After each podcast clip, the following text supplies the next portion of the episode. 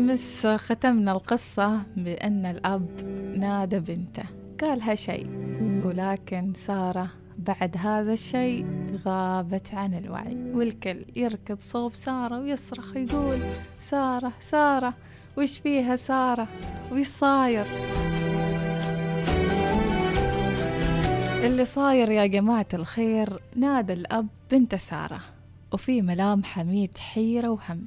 وفي عينه ألف دمعة مخنوقة وهو يتذكر كيف كانت سارة شمعة البيت ونوره بروحها الطيبة وحسها الصافي.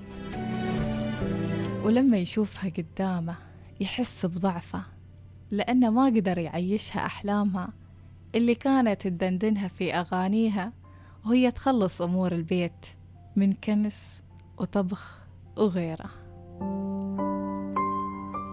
وقال في خاطره يمكن هالخبر يريحها ويريحنا معاها من فقر عشناه سنين.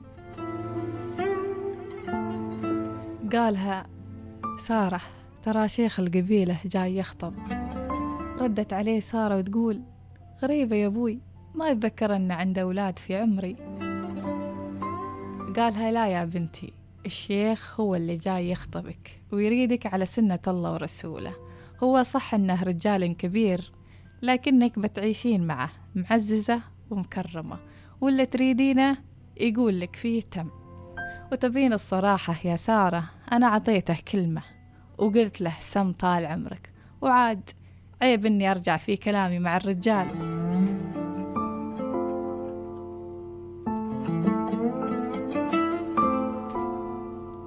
ردت عليه وسارة مخنوقة وبدموعها أربع أربع وتقول خالد يا أبوي وخالد. قالها خالد ما ينفعك يا بنتي. شفتيه؟ لا شغلة ولا مشغلة. وأنت تكبرين في عمرك وحنا ما عندنا بنات يجلسن بدون عمر بدون زواج في هالعمر. وقفت هني سارة مذهولة ما عارفة وش ترد وكأن الكون كله كان يلف فيها لف ويخنقها ويخنق كل أحلامها. فاختارت في هاللحظة إنها تنهار وتغيب عن وعيها. يمكن تكمل حلمها في هالغيبة لكنها صحت بنص حلم. حاولت إنها تقنع ولد عمها خالد إنه يتصرف في الموضوع ويسوي أي شيء لكن الظروف الصعبة كانت أكبر منه ومنها. واكتفى وقال الله يوفقك. وبعد أيام استسلمت سارة لهالقرار وسلمت أمرها لله لأن ما كان في دينها إلا أنها توافق وتزوجت بالشيخ أبو محمد. في الحقيقة كان عرسها فخم والكل كان يتكلم عنه. الأغلب كان يحسدها على حظها الكبير اللي ابتسمت ابتسم لها فجأة. ما كانوا يعرفون إن في قلبها شيء ما يطفيه غير خالد.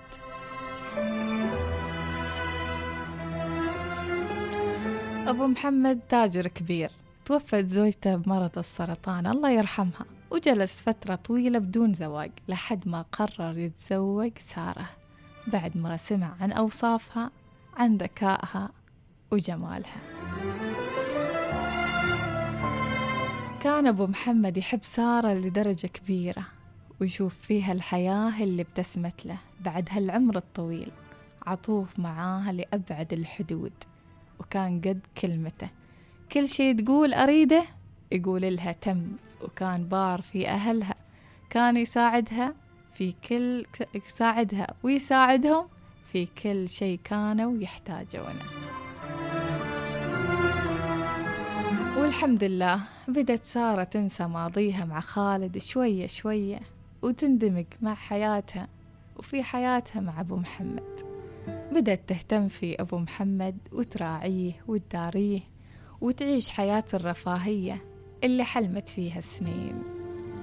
عاشت سارة مع أبو محمد سنين هادية ويابت منه أربعة أولاد مرت الأيام ومرت السنين ومرت الأعوام وبعد سبع سنوات من زواجها من أبو محمد. وصلتها رسالة غريبة من رقم غريب. اتمنت إنها لو ما قرتها أبدا أبدا. لو ما فتحتها طول عمرها أبدا أبدا.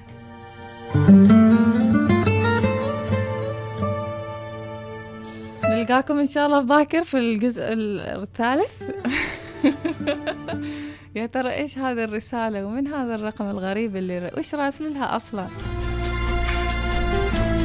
الأحداث تتصاعد شيئا فشيئا. خليكم بس مثبتين الموجة على الأولى الوصال.